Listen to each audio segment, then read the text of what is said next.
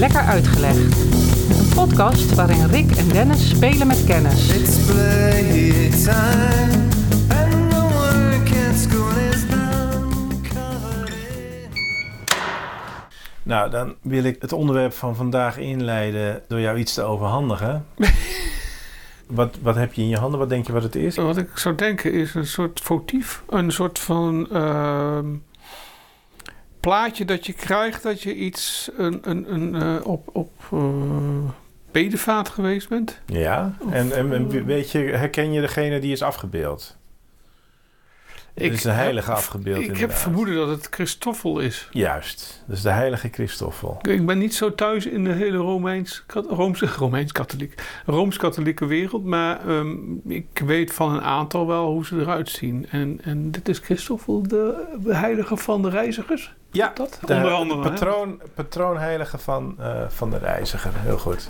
Maar dit hoort bij een bepaalde reis? Of hoe moet ik dat zien? Heb je dit ooit gekregen? Ja, wij hebben dit gekregen, Nicole en ik, eh, voordat we gingen fietsen. Voordat we onze tocht, eh, fietstocht begonnen van, eh van Rijnzaterwoude naar Bali. En ehm, wij, onze eerste etappe die ging van Rijnzaterwoude naar Zevenaar. Dan gingen we bij de zus van Nicole een hapje eten. En toen we daar waren, namen we lokaal afscheid van mensen die we daar kenden. En daar kwam ook de buurvrouw van Chantal, de zus van Nicole. En die stopte dit medaillon in eh, de hand van Nicole en mij. En ze zei: Dit is van mijn vader geweest. Die is al lang overleden. Zij is zelf van eh, pensioengerechtigde leeftijd, denk ik. En zij zei van, eh, mijn vader heeft het altijd bij zich gedragen. Dat was heel belangrijk voor hem als hij op reis ging. En ik wil het nu aan jullie meegeven, want jullie gaan ook een lange reis maken. En eh, zoals hij mijn vader heeft beschermd, eh, zo zal hij jullie ook beschermen. Dus ze gaf dit mee eh, waar die voor dient eigenlijk. De heilige Christoffel, die... Een beschermheilige. ja, een beschermheilige die eigenlijk een veilige reis bezorgt. Dat is het idee erachter. En daar wilde ik het vandaag met jou over hebben, over die heilige Christoffel. En dan gaan we in ieder geval weer even terug naar de ook door jou zeer geliefde middeleeuwen. ja. Want dat is eigenlijk een periode dat de mythe of de legende van Christoffel eh, eigenlijk heel populair wordt. Überhaupt legendes heel populair worden. Eh, ongeveer de 13e eeuw wordt er een document opgesteld. Een soort eh, alle 13 goed van de christelijke wereld, een boek. En dat is de Legenda Aurea, dus de gouden legenda. Mhm. En daarin worden opgetekend de, de mooiste verhalen van heiligen en eh, de christelijke feestdagen worden daarin beschreven. En daar wordt ook de legende van eh, de heilige eh Christoffel beschreven. In de 13e eeuw worden die legendes ontzettend belangrijk, of die verhalen, die mythische verhalen en ook die van de heilige Christoffel. En dat is ook niet gek, want in de middeleeuwen was reizen aan zich was een hachelijke Ja. Dus mensen die wilden reizen, die hadden een ba- baat bij een gevoel van bescherming. En daar kwam dat verhaal van die heilige Christoffel eh, goed van pas. Dus ik wil in ieder geval eventjes met je naar die mythe kijken. Hm. Die is als volgt. Ik moet zeggen, ik weet eigenlijk alleen dat hij Christoffel heet. Ja. En daar houdt het ook op. En een staf heeft. En dat hij bij reizigers hoort. Ik heb geen idee wat die man, waar die vandaan komt. Nou, dan, dan aan het eind van deze podcast eh, vergeet je het nooit meer. Je Oh. bent zo rijk gevuld met kennis, dat is ongekend. Ik ben benieuwd. Nee, ik wist het ook niet. Eh, wij kregen dat medaille, die meda- medaillon kregen wij van ja, Ine, zo heet die vrouw die hem ons eh, geschonken heeft. En we hebben hem in de stuurtas van onze fiets gedaan. Dus hij is de hele reis en terug is die mee geweest. Mhm. Zonder dat ik er verder nog naar gekeken heb of over nagedacht heb. Eigenlijk nu, sinds we thuis de boel uitgepakt hebben, kwam ik hem weer tegen. Ben ik hem eens goed gaan bekijken. En toen dacht ik, nou weet je, ik ga eens kijken wat heeft die Christoffel nou eigenlijk... Hè, wat heeft hij nou gedaan waardoor hij voor de reiziger zo populair geworden is. Ja. Ehm, dan stuit je op die mythe. En die is als volgt. Ehm, aanvankelijk heet hij niet Christoffel, maar eh, is zijn naam Reprobus. En eh, Reprobus is ge- geboren in Canaan. Dat is eh, het huidige Israël. Israël, ja, ja, de Canaanieten. Ja. Ik heb natuurlijk wel een redelijk christelijke opvoeding als het gaat om de school waar ik op gezeten scholen waarop ik gezeten heb. Dus de Canaani- Canaanieten, Die zijn jou bekend. die zijn mij zeker Ja. bekend. Een beetje ten westen van de Jordaan. Komen, komen, komen die vandaan. En deze Reprobus dus ook. En hij is een reus. Grote kerel. Dat wist ik niet. 2 Oké. meter 30 wordt er ergens genoemd. Maar, Dat moet je weer met een korrel zout nemen. Maar laat, laat hem 2 meter 30 zijn. Dat komt in het verhaal natuurlijk ontzettend van pas, zul je merken. Ehm, deze reus die besluit op een goede dag om zich te willen inzetten... om te gaan werken voor de machtigste man op aarde. En dat brengt hem bij de koning. Hij gaat naar de koning met het volle overtuiging... deze man is de machtigste heerser. Ik ga hem dienen. Dat doet hij tot het moment dat hij erachter komt dat die koning angst heeft voor de duivel. En die angst voor die duivel, die maakt dat die Reprobus, ik noem hem nu even Christoffel, Mhm. Dat die beseft, maar die koning is dus niet machtiger dan de duivel. Dus hij gaat op zoek naar de duivel en hij wil zich inzetten voor de duivel, want die is machtiger dan de koning. Aan de zijde van de duivel ontdekt hij dat de duivel ook één angst heeft en dat is Christus. Ja. Waardoor hij natuurlijk conclu- conclusie trekt. Dus de duivel is ondergeschikt aan Christus. Dus ik wil Christus dienen. En dan zijn we natuurlijk op het pad waar we zijn moeten. Want met zijn wens om Christus te dienen... eh, komt hij op een bepaald moment een heremiet tegen. Een, een kluizenaar. Mhm. En onbekend met het christendom ehm, gaat hij te raden bij deze heremiet. En die heremiet zegt van... joh, wil jij de Heer dienen? Wil jij Christus dienen? Dan eh, moet je gaan bidden en je moet gaan vasten. Net als ik. Nou, dat ging, dat ging hem net even te ver. Dus eh, dat wilde hij niet. Maar hij wilde zich wel nuttig maken voor Christus. En toen zei die heremiet op een bepaald moment... Weet je wat jij moet doen? Er ligt een schone taak voor jou, want je bent een, een, een, een, beul van een kerel ehm, bij de rivier. Want die rivier, het was een wilde rivier en iedere dag kwamen daar mensen aan de oevers die eh, de rivier wilden oversteken. En op eigen houtje lukte dat niet iedereen. Dus er raakten mensen die verzopen in de rivier. Dus die heremiet die zei van, als jij nou als veerman gaat eh, fungeren. Je gaat die mensen van de ene kant van de rivier naar de andere kant brengen. Dan dien je eh, Christus eh, op een goede manier. Nou, dat was hem op het lijf geschreven. Dus Christoffel gaat naar de rivier. En inderdaad, daar kan hij zich nuttig maken door de mensen van de ene kant naar de andere kant te brengen. Op een goede nacht verschijnt er een kind aan een van de oevers. Dat kind wil naar de overkant gebracht worden. En Christoffel, zoals hij gewoon is, pakt het kind op, draagt het kind op de schouder en waat naar de overkant van de rivier. Maar bij dit kind is het, bij dit kind is het anders dan anders. Bij iedere stap die hij in het water zet, neemt het gewicht van het kind toe. Ter nauwe nood weet hij de overkant te bereiken en hij zet het kind aan de andere oever. Christoffel geeft aan dat hij nog nooit zo'n zware last gedragen heeft aan de overzijde. En dat kind maakt zich bekend als zijnde Christus. En zegt tegen Christoffel, je hebt niet mij, Christus, gedragen, maar met mij ook alle zonden van de wereld. Ik dacht wel dat het daar naartoe ging. Want dat komt vaker als thema terug. Dat de zonde van de wereld op iemands schouders rusten. Precies. En dat maakte de last natuurlijk eh, eh, zo zwaar.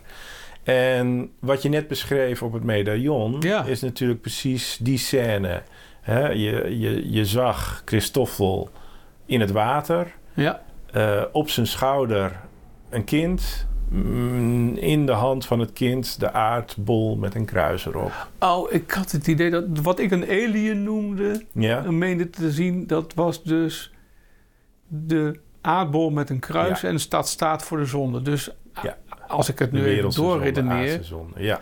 zijn alle aliens eigenlijk onze zonden. Als jij op die voet verder gaat, dan hebben we... Ja, ja, ja. Ik zie het weer niet goed, weet ja, ik. Maar nee, nee, dat... eh, ik lig, hou er wel van om dingen aan elkaar te koppelen die op het eerste gezicht totaal niet samenhangen met elkaar. Maar als je er eh, later over nadenkt, nou, eh, hij heeft Ja. wel een punt. Ja, maar dat gaat bij jou ook vrij eh, vanzelf. Ja, ik hoef dat niet. Volgens mij kan ik beter fantaseren dan Ja. redelijk rationeel nadenken. Maar dat je daarin een alien zag, want het medaillon is ook heel erg klein. Dus het is niet... eh, Ja. Nu je het weet, eh, herken je het uit duizenden. En En nog eens even kijken. Want. Kijken of ik nu dan inderdaad die wereldbol met een kruis erop zie. Shit, ja, nu, zie ik, nu kan ik geen alien. Ja, ik kan er nog steeds wel een alien aan zien. Want ik dacht dat een deel van het lijf van de alien was, is eigenlijk de arm van eh, Christoffel. Nou, en dat brengt ons ook meteen bij de naam Christoffel. Want in het Grieks is dat, eh, betekent dat Christusdrager. Ja, het komt van Christophorus, hè, het Griekse Christophorus. En dat Ah. betekent eh, Christusdrager. Ja, oké. En als je dat eenmaal weet en die afbeelding eenmaal herkent... Ja. dan zie je hem heel vaak nog steeds terug. Want dit is nog steeds een van de meest populaire heiligen eh, tot vandaag de dag aan toe. En er zullen eh, zeer veel mensen rondrijden die dit medaillon op hun dashboard bijvoorbeeld hebben geplakt. Of hangend aan hun achteruitkijkspiegeltje hebben. Eh, Is dat dan over het algemeen de, het soort mens dat katholiek is? Of, of is dat... Ja, ik associeer heiligen en, en dergelijke altijd met katholieke mensen... Ja. die daar een zeker ge- geloof of bijgeloof aan Ja. hechten. Maar of Nou, weet je... Nou ja, misschien hoeft niet... Ik ga ervan uit dat de, dat de, grootste, de grotere groep dat wel is. Maar ik heb er ook mee rondgefietst. Ja, klopt. En ik ben eh, geen eh, christen. Dus in die zin hoeft dat natuurlijk niet. En zal dat ook niet voor iedereen gelden. Nee. Nou, die eh, eh, reus, hè, Chri- Christoffel... eh, want zo wordt hij een beetje afgebeeld als de, als de GVR, zeg maar. De grote vriendelijke reus.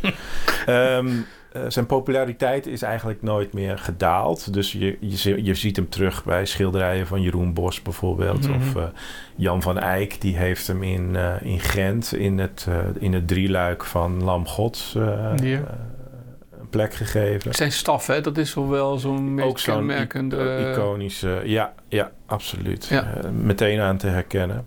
En hij is ook een van de, de pestheiligen. Hij wordt ook wel met ziektes geassocieerd, omdat je dan, als je ernstig ziek bent, dan, dan sta je eigenlijk aan de vooravond van je laatste reis. hè, de reis naar het hiernamaals. Hm.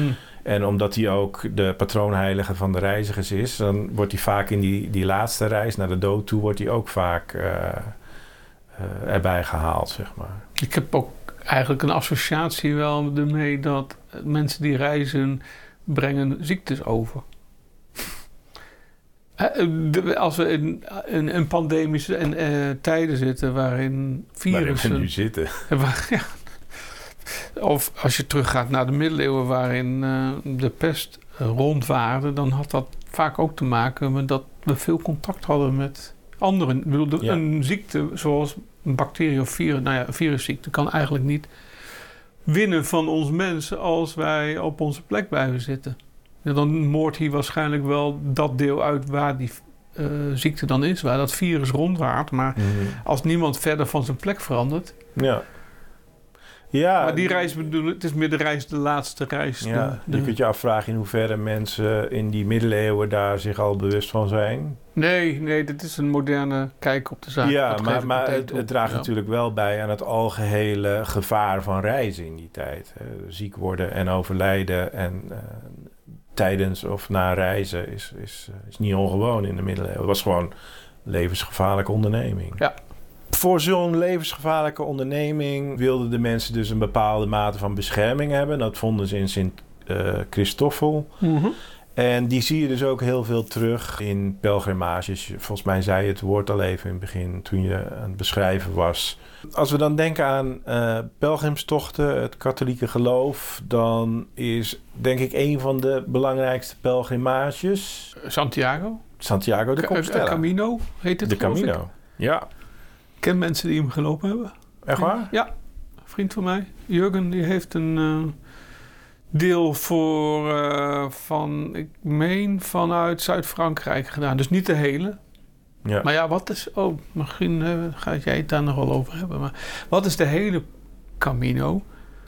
Er zijn namelijk heb ik wel begrepen. Niet, er is niet, leidt niet één weg naar Rome, maar er is ook niet één weg naar Santiago. Nee.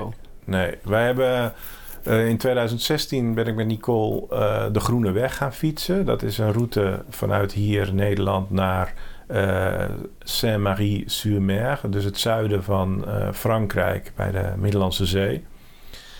En toen kwamen mensen tegen die ook de Camino wel eens hadden gefietst. En wij hebben toen ook overwogen, of in ieder geval eventjes erin gedoken van... nou, dat is wel een mooie route. Is dat misschien iets wat wij in de toekomst ook zouden kunnen gaan fietsen? Toen eh, heb ik op kaarten gekeken en inderdaad zijn er een drie, viertal routes door Frankrijk. Dus in Frankrijk splitst hij zich een beetje in drie routes die eigenlijk richting de Spaanse grens gaan. En vanaf de Spaanse grens, vanuit Nederland gezien, buig je eigenlijk richting Santiago en dan wordt het weer één route, zeg maar. Maar de aanvliegroute, daar ken je een aantal verschillende wegen die zeg maar aanvliegen op Santiago. Ja, en als ik het goed begrepen heb, kun je vanuit verschillende plekken in, in eh, Europa beginnen. Ja. Dus ook vanuit Italië, waarbij het niet logisch is om eerst helemaal noordwaarts Nee, te nee. gaan, dan van daaruit af te zakken naar Spanje. Dus je kunt vanuit Italië, bijvoorbeeld vanuit Rome. De snelste weg zou dan toch zijn om via eh, de zuidelijke Middellandse zeeroute, zeg maar, Zuid-Franse Middellandse zeeroute naar Spanje te gaan. Dus. Maar inderdaad, in Frankrijk heb je er een stuk of drie, zei je? Ja, wat ik toen in ieder geval als route op, op de kaart heb gezien, er zullen er nog, nog misschien nog wel veel meer zijn. Maar die echt werden aangegeven als eh Camino-routes, zeg maar. Dat waren drie belangrijke aders waar mensen vanuit, eh, vanuit het noorden eigenlijk naar het zuiden trokken. Nou ja, wil je in Nederland starten met de fiets bijvoorbeeld, of wandelend, dan kon je in Utrecht een pelgrimsboekje halen in de kathedraal. Oh, oké. En, en Eh, dat, wat is is, dat? dat is je stel, stempelboekje. Stempelboek. Dus dan, dan ga je langs de stempelposten richting Santiago. Ja, dan kan je de route vastleggen, zeg maar. En zijn dat dan stempelplaatsen waar bepaalde kerken staan? Of hoe moet je dat zien? Nou, dat... eh, Die ja. aan Christoffel zijn gewijd misschien zelfs? Nee, Of nee, nee, Die nee, een reliquie de- van hem in huis hebben? Nou, daar komen we wel op uit. Want Santiago de Compostela... die heeft in principe niet met Sint Christoffel direct te maken. Oh, nee, behalve nee. dan natuurlijk dat... oh, dat de mensen eh, eh, ongetwijfeld of wellicht een medaillon van hem meedragen. Omdat de reis er naartoe natuurlijk veel meer met Christoffel eh, van doen heeft. Maar het doel in Santiago is natuurlijk Sint-Jacob. ja, ik ben het, toen ik het zei, dacht ik... oh nee, ze zijn bezig met Jacob en de schelp. Ja, ja, ja. De, de route die wordt eh, via schelpen eigenlijk aangegeven. Dus je volgt de schelp. En ik meen zelfs ook dat stempeltjes die je in dat Dat stempelboekje krijgt... Ja. ook schelpvormig eh, zijn. Ja. En dat is helemaal, eh, zeg maar, gewijd. Hè? Santiago, dat betekent ook heilige Jacob. Ja, het is allemaal eh, heel eenvoudig als je, erin weet. gaat. Ja, die Jacob is Jaco- Jacobus de Meerdere. Dat was een van de apostelen van, eh, van Jezus. De broer van Johannes, geloof ik. Hm? Maar die is ooit eh, onthoofd geraakt. Ja, dat gebeurt dan wel eens hè, in die tijd. Dat zijn van die dingen die je zo overkomen in Ja, je dat, leven. dat- en toen was dat helemaal geen uitzondering. Ehm, en het schijnt ook natuurlijk weer een eh prachtig eh, legende dat zijn schedel op een boot gelegd is, of zijn lijk, zijn hele lijk misschien, eh, misschien wel. En dat vlot of dat bootje, dat is aangemeerd in eh, het noorden van Spanje. Eh, en daar is het, het lichaam begraven. En op dat graf is de kathedraal gebouwd. Ah, ja. Dus vandaar die relatie met Sint-Jacob. En dan komen, komen we inderdaad bij het fenomeen relieken. Eigenlijk is vanaf dat moment wordt dat, hè, die, die pelgrimstocht die wordt belangrijk. En die relieken hè, die worden ook belangrijk. Want men gaat daar naartoe om het graf van Sint-Jacob eh, te bezoeken. Mhm. En de hele weg er naartoe is natuurlijk bedoeld als een soort van boetedoening. De zondes, die ook Christoffel met zich meedroeg, die kan je, eh, is het idee, onderweg achterlaten. Zodat je bij een succesvolle pelgrimstocht eh, dichter bij het hiernamaals komt als je straks komt te overlijden. Vaak ook het woord eh, gereinigd, Ja. vrij gemaakt van zonde, Ja. ehm, gewassen. Was er ook niet een element wassen? Ik herinner mij van die vriend dat hij het ook een aantal dingen vertelde onderweg. Ehm, je hebt natuurlijk dat je niet dag en nacht loopt, dus je moet ook hier en daar slapen. Er zijn hier en daar ook mensen die gratis of voor heel weinig geld een slaapplaats aanbieden. Of dat een ja, soort van ook. hostels of eh, herbergen zijn. Ja, Maar dat er ook iets met wassen. Maar ik kan me vergissen hoor. Iets met. wassen zou ik zo niet, Voeten zo niet weten. of- Maar het hele idee van je huis openzetten en de gastvrijheid en eh, de pelgrims welkom heten en de poorten en de, de deuren van de kathedraal openen en het huis van God openstellen. Dat heeft natuurlijk aan beide kanten heeft dat natuurlijk eh, effect. Hè? Eh, loop je daar naar binnen, dan, dan kan je best gereinigd voelen, om het in jouw Hmm. woorden te ge- gebruiken. Eh, Maar het is natuurlijk voor een geloofsgemeenschap of een individu is het natuurlijk ook reinigend om je hart, je deur, je gastvrijheid open te stellen aan die mensen. Dus dan werkt het eigenlijk eh, twee kanten op, reinigend of positief eh, op de ziel. Een beetje terugdenken ook aan de Henro en de mensen die in Osseta een gift gaven. Ook om de, noem het, de goden goed te stemmen. Of in ieder geval. ja, en het- even kort de Henro. De Henro was, of is de pelgrimstocht op het eiland Shikoku in Japan. Die ik ook voor een deel gelopen heb. Waarbij mensen eh, langs 88 tempels wandelen als pelgrim. Overigens ook met een staf. Ja, Dus daar zit misschien wel iets in dat dat meerdere religies... want dit gaat dan niet over het, kat, het Henro is niet van het katholieke geloof... maar dit gaat over het eh, Shinto-boeddhisme in Japan. Maar ook daar eh, krijg je onderweg van mensen of een slaapplaats... of wat te eten, of wat geld... of zelfs een lift met de auto als je dat wilt. ja. Van, Dus, dus het, het zielenheil reinigen, dat is misschien een, een overeenkomst tussen beiden. Mhm. Maar wat natuurlijk niet overeenkomt, is dat vereren van die relieken. Nee. Dat is bij de Henro absoluut niet het geval. Absoluut niet. En dat is iets wat een vlucht krijgt eh, na die 13e eeuw in christelijk Europa. Want de toon is gezet in Compostela. Mhm. Hè. Het wordt een ontzettend populair pelgrimsoord. Ja. Het trekt heel veel mensen. En het effect wat dat teweeg brengt is dat... Hè, je noemde net al even de route door Frankrijk. Dat bijvoorbeeld in Frank Franse kerken... dat men ook naastig op zoek ging naar relieken. Eh, zodat zij nog meer mensen ook onderweg binnen konden trekken. Het is een soort van reclame of, of een promotiestunt. Dus Ja. je ziet dat steeds meer kerken, en uiteindelijk alle kerken, Iets van- relieken. Iets van Jacob of... Nou ja, je, je hebt natuurlijk zo, zoveel heiligen.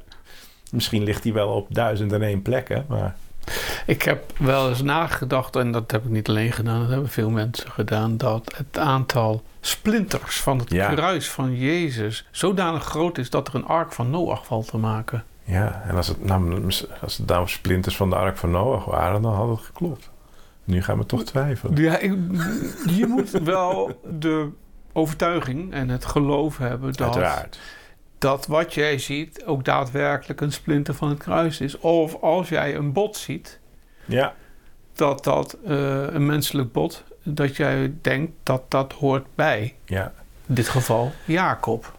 De overtuiging was dat het allemaal geneeskrachtige eh, werking had. Hè? Dus een helende werking. Eh, je ziet het heel vaak in kerken of kathedralen waar zo'n eh, reliek zeg maar tentoongesteld Mhm. wordt. In het begin zijn dat dan vaak in doosjes met een, met een glasplaatje. En mensen proberen dat zo dicht mogelijk te benaderen en als het enigszins kan aanraken. Heel vaak op het glasplaatje of zo. Dan hoe dichterbij je bent, hoe sterker de kracht, de geneeskracht van Ja. het reliekwerk. Ja. En eh, dat is heel interessant. Wist je dat er drie typen relieken zijn? Nee. Je hebt eerste graads, tweede graads en derde graads relieken. Dus Serieus? ja, ja, Ja? serieus Maar ik zat waar. te denken aan het soort materiaal, bijvoorbeeld menselijke restanten, eh, weet ik veel, een oor of een, een bot of zo. Een dat, voorwerp. dat zijn eerste graads. oh, Dus je, gaat, oh, je bent goed bezig. Oh. En dan? ja, dan denk ik aan, ik noemde net het splinters van het kruis, Ja, als, of spijkers. Spijkers Ja. zijn ook al heel geliefd. ja, Of gewaden. ja. Eh, eh, beroemd is het eh, gewaad van eh, Turijn, Lijkwade. Lijkwade. Die is inmiddels wel al, in mijn ogen afdoende eh, ontkracht. Dat is Ja. iets uit het begin van onze jaartelling. Toch wordt die gezien als een tweede graad eh, reliek. Dus dan Oh, hebben we het over kleding. Of in dit geval ook een lijkwade. Ja. En dan houdt het bij mij op, want ik...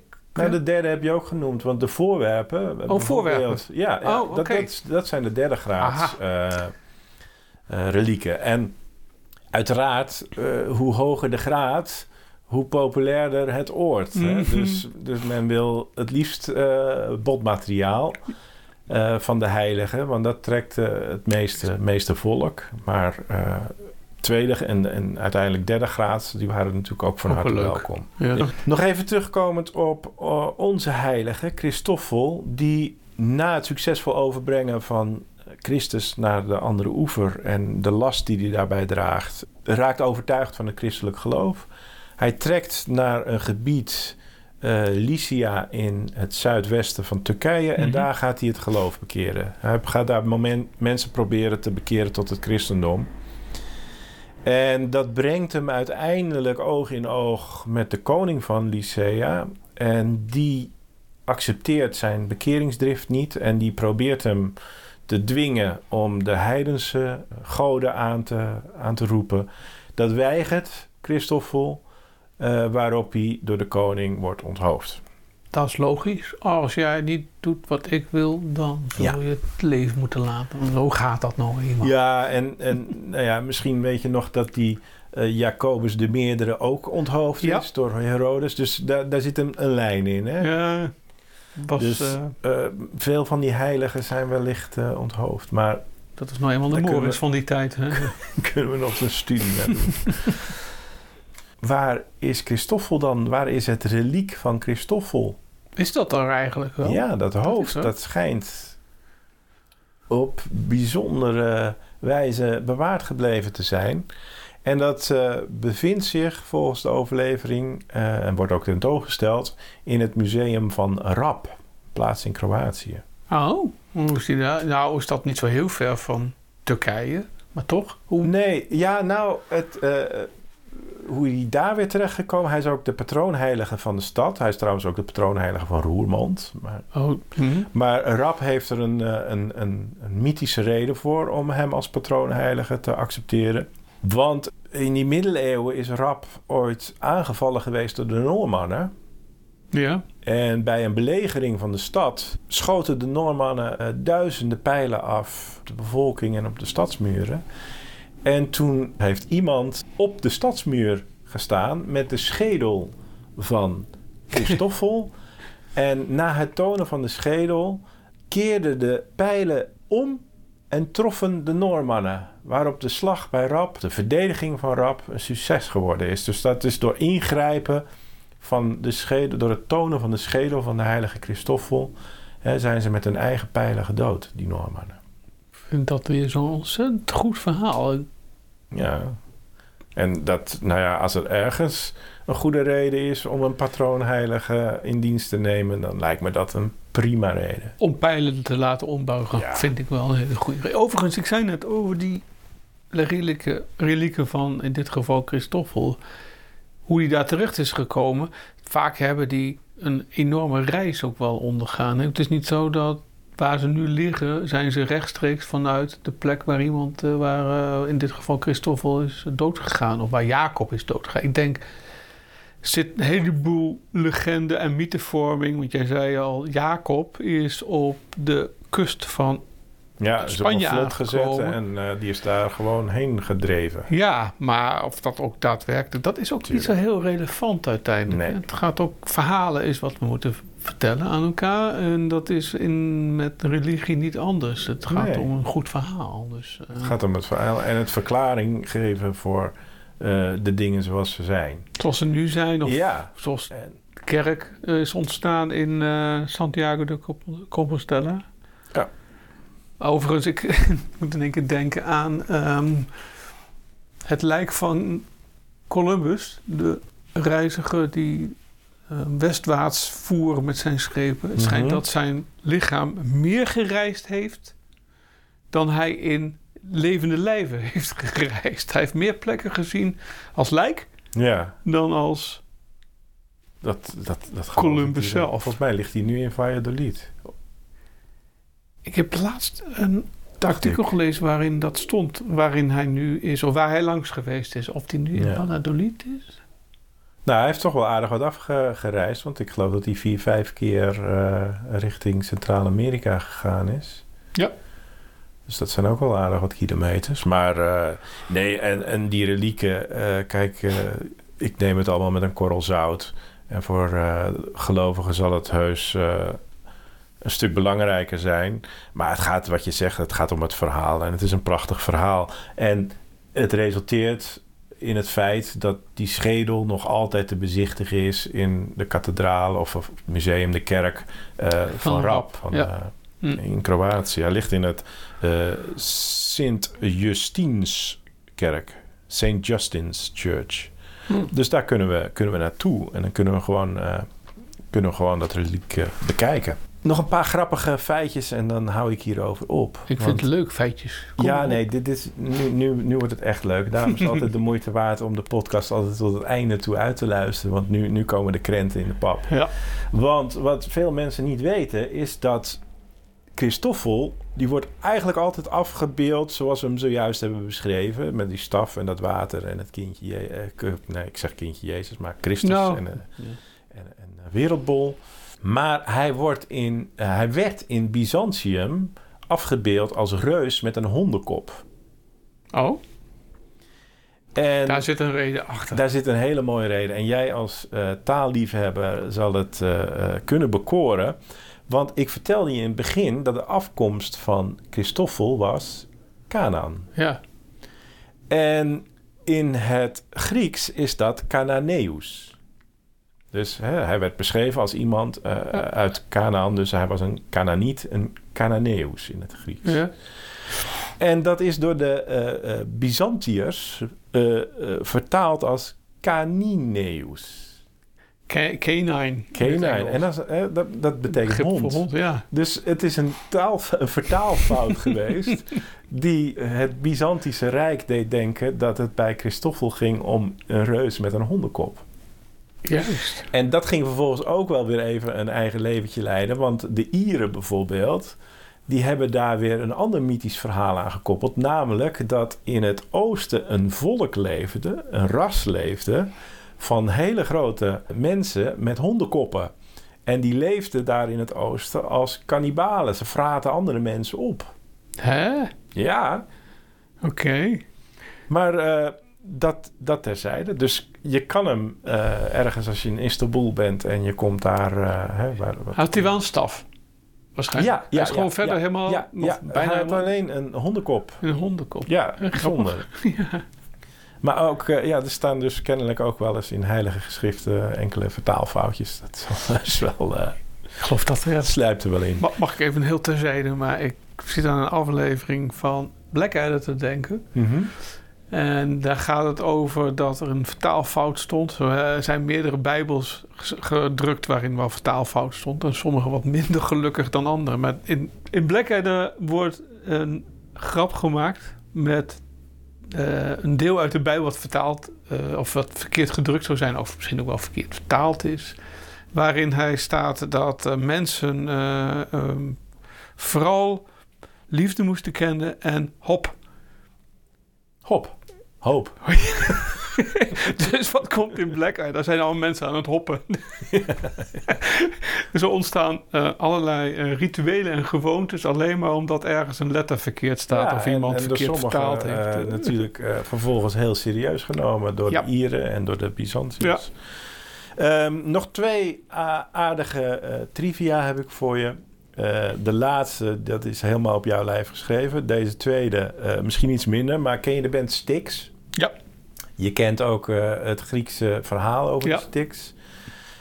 Styx heeft een nummer over, opgenomen, Christopher, Mr. Christopher. Dus over eh, Sint eh, Christophus. En verwijzen daarbij natuurlijk ook naar hun eigen naam indirect weer. Want Ook een rivier. Styx is een rivier waar Charon Ja, eh, De veerman was. En de mensen van de onderwereld naar de boven... Of nee, andersom. De bovenwereld. dat Nou is ja, wel de dus- vraag. ja, ja. Misschien gaan wij wel, als we straks dood gaan, eh, naar een veel betere... Nou, we gaan misschien wel van de, boven, van de onderwereld naar de bovenwereld. Wie zal het zeggen? Dat, Eh, eh, wij dat, moeten nog doodgaan, dat laatste ticket, eh, dat moeten we nog boeken. Of misschien was het zo, want bij Charon was het zo... dat je moest een goudstuk in je, op je tong Ja, leggen... ja. en dan werd je naar de onderwereld gebracht. Ja. Misschien is het wel zo dat als je daar bent en je hebt twee goudstukken... dat je weer terug naar de Terug boven mag, gebracht ja. wordt. Ik bedoel, het, blijft business, hè? Ja, blijft business. Ja, ja. De laatste, Rick. Een van jouw favoriete films, denk ik, als ik jou inschat. Airplane. Nee. Met Leslie Nielsen. ja. Of niet? ja. Zit ik ernaast? Nee, nee, nee. Zit jij eh, helemaal spot on. Kun je hem dromen of niet? Eh, Ik kon op een gegeven moment, het is wel minder geworden, misschien door de leeftijd, maar ik kon op een gegeven moment zo'n beetje eh, woordelijk, woord voor woord dus, Ja? citeren. ja. Ja. Heb je, is je ooit de rol van Sint Christoffel in die film opgevallen? Die speelt namelijk een kleine rol. Een bescheiden rol in die film. Er zitten op een gegeven moment wel twee boeddhisten, maar die bedoel je niet. Nee. Ehm, in, In de cockpit. cockpit zit, ja, hey, eh, mijn held waarom ik ben gaan basketballen. ja, Kareem Abdul-Jabbar. Ja, Maar nee, die, Die die, ook bedoel niet. ik ook niet. Nee, ik heb dat is over dus ook niet. Is ook een reus namelijk, ja. Nee, nee, nee. Als je, eh, er zijn een aantal eh, scènes waarin de camera, eh, zeg maar, eh, in de cockpit naar het raam eh gaan. Dus naar het dashboard, zeg maar, van het vliegtuig. Ja. En dan staat op het dashboard, voor het raam, staat een beeld van de heilige Christoffel. En die komt Echt waar? ja, echt waar. En die komt een paar keer terug in een paar scènes. En naarmate de situatie in het vliegtuig verergert, heeft Christoffel steeds meer zijn handen voor zijn ogen. Dus die kruipt weg in zijn kleed en met zijn handen voor zijn ogen. Film wordt alleen maar briljanter als je dit soort we- dingen weet. Ik moet hem weer gaan kijken. Ik heb Nou. recent- deze zomer nog met mijn zoon zitten kijken. En die lag daar ook helemaal blauw om. Lag in zowel CH als met een G. Ja, Ehm, en nu heb ik dus een reden om dus nog Oh, een nog keer een alle cockpit scènes nog eens even... Al was het alleen maar de cockpit scènes even door Ja. zeppen. En, ik moet je eerlijk bekennen dat ik de film nog nooit eh, gezien heb. Nou, als je echt in een lekkere flauwe bui wilt komen... Ik weet het, want ik ben natuurlijk met de voorbereiding op deze podcast... eh, ben ik natuurlijk op YouTube naar allerlei highlights van Airplane. Dus inmiddels al die dingen die jij in het verleden kon citeren... heb ik inmiddels eh langs zien komen natuurlijk. Maar ik was alleen maar op zoek naar dat, naar dat shot. Beeld, Naar ja. dat, dat ene shot waarin ik die Christoffel... En ik heb hem gevonden. Dus ik, heb, eh, dus ik weet zeker dat hij erin zit. En eh, ik, eh, maar zeggen- meerdere shots dus ook wel. ja, want keer, naarmate het erger wordt, wordt zijn uitdrukking ook belabberder. en kruipt hij steeds verder weg om aan te geven hoe, hoe hopeloos het eigenlijk, eigenlijk is. Dat was het voor vandaag. Nou, leuk. Ik heb Ja. toch wel een heleboel leuke dingen gehoord. eh. Toch wel weer leuke dingen langs. lekker uitgelicht. Lekker Uitgelegd is een podcast van Dennis Ai en Rick Roeland. Wil je geen uitleg missen? Abonneer je dan op Lekker Uitgelegd. Dat kan op Spotify, iTunes of in je favoriete podcast-app. Laat ook vooral een recensie achter. Dat vinden wij leuk en andere mensen kunnen ons dan sneller vinden. Lekker Uitgelegd is ook prima te volgen op Twitter, Facebook en Instagram.